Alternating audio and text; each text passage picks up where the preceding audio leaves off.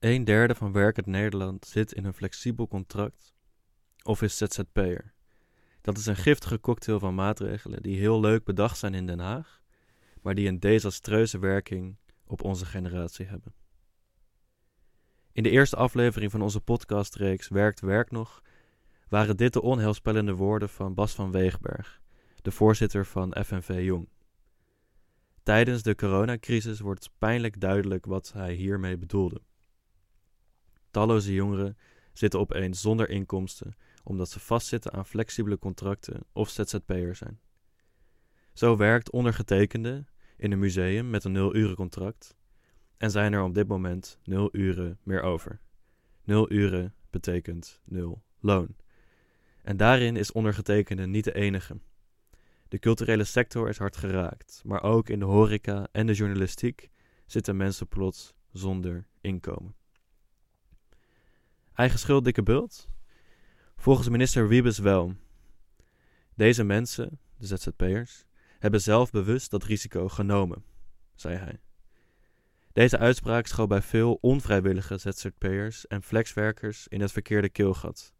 Maar waarom eigenlijk? Hebben jongeren dan niet de wens om onafhankelijk en flexibel te werken?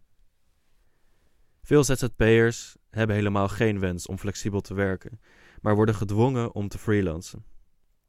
Zo vertelt een NRC-journalist ons dat ze het liefst van 9 tot 5 op de redactie zou zitten, maar in plaats daarvan moet freelancen. En ze is niet de enige journalist die er zo over denkt. Dat weten we bij Red Pers, maar al te goed. Voor de jongeren die wel flexibel willen werken, is de wens dubbel. Aan de ene kant willen jongeren graag flexibel zijn in hun werk. Aan de andere kant willen ze, zoals iedereen dat wil, de zekerheid van een vast inkomen. Dat klinkt tegenstrijdig, maar dat is het niet. Zoals Bas van Weegberg zei, flexwerken is een schijntegenstelling. Een vast contract is niet hetzelfde als je werk flexibel indelen. Je werk flexibel indelen gaat over autonomie. Maar een vast contract zegt niets over de indeling van je werk. Het zegt alleen dat je een vast bedrag op je bank gestort krijgt aan het eind van de maand. Flexibiliteit is positief, maar een flexibel contract niet. Hoe kunnen werknemers zich wapenen tegen zulke onzekerheid? Het lijkt een vraag waarop we het antwoord zijn vergeten. Maar Van Weegberg friste ons geheugen op. Jongeren moeten zich verenigen. Je kan hier wel in je eentje over zitten somberen, maar veel belangrijker, doe er iets aan. Sluit je aan bij een organisatie die hier iets aan wil doen. De coronacrisis lijkt het sentiment nieuw leven in te blazen. Na de onvrede om Wiebes uitspraak vloog al snel de een na de andere petitie de deur uit. De groep die onverenigbaar leek door een gebrek aan collectiviteit deelt opeens een probleem. Geen inkomsten vanwege slechte arbeidsvoorwaarden. Toen we in de tweede aflevering van de podcast aan PvdA-senator en toenmalige vakbondsvrouw Meili Vos vroegen waarom ZZP'ers en andere flexwerkers zo moeilijk te verenigen zijn, was een van haar antwoorden: Het water staat mensen nog niet aan de lippen. Nu duizenden ZZP'ers een aanvraag hebben gedaan voor de nieuwe regeling voor noodsteun vanuit de overheid, kunnen we vaststellen dat het water een stuk hoger is gekomen. Een tweede probleem. We leven in een samenleving die we graag meritocratisch noemen. Met andere woorden, een wereld waarin succes als je eigen verantwoordelijkheid wordt gezien. Dat verklaart misschien de eerste reactie van minister Wiebes om ZZP'ers individueel verantwoordelijk te houden voor het verlies van hun inkomen. Maar in een crisis die alle werkenden raakt, onafhankelijk van dienstverband, wordt het opeens heel duidelijk dat je ZZP'ers helemaal niet meer dan anderen verantwoordelijk kunt houden voor hun positie op de arbeidsmarkt. Kun je het überhaupt iemand aanrekenen dat ze een crisis als deze niet aan zagen komen?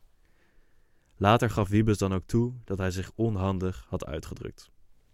Die twee obstakels tot collectieve actie, het feit dat de nood niet hoog genoeg was en de illusie van de meritocratie, lijken in deze crisis dus al een stuk minder groot.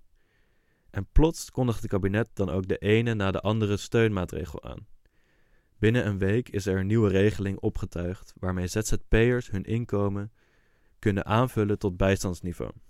Dat is weliswaar niet veel, Maar het wordt wel versterkt zonder de gebruikelijke verplichting om eerst te teren op het eigen vermogen en het inkomen van een partner. Op sommige plekken kregen ZZP'ers deze week al de eerste betalingen binnen. Het belang van het verenigen van werkenden strekt verder dan corona.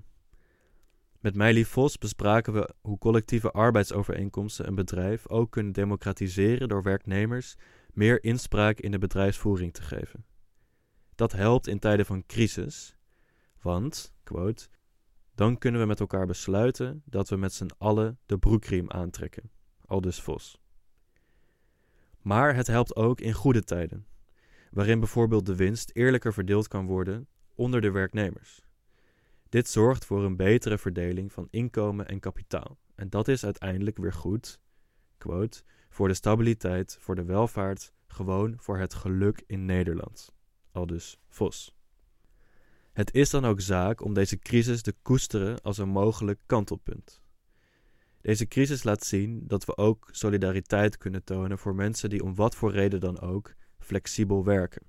Want, zoals Van Weegberg en Vos allebei benadrukten, de flexibiliteit om te werken hoe en wanneer je wilt is heel iets anders dan de flexibiliteit voor een werkgever om je naar believen in te zetten of niet.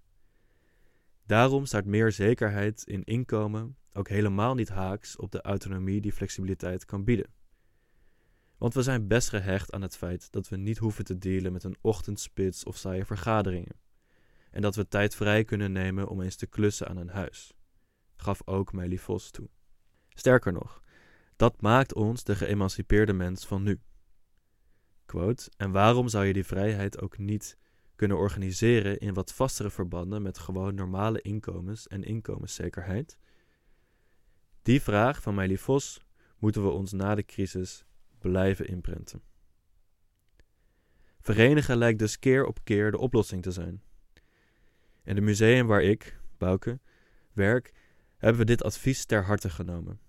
Samen met mijn collega's ben ik opgekomen voor het recht om doorbetaald te krijgen. En dat recht lijkt nu ingewilligd te gaan worden.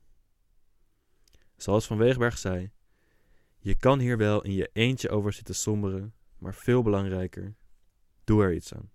Juist in een tijd van quarantaine en afstand kunnen we dichter bij elkaar komen.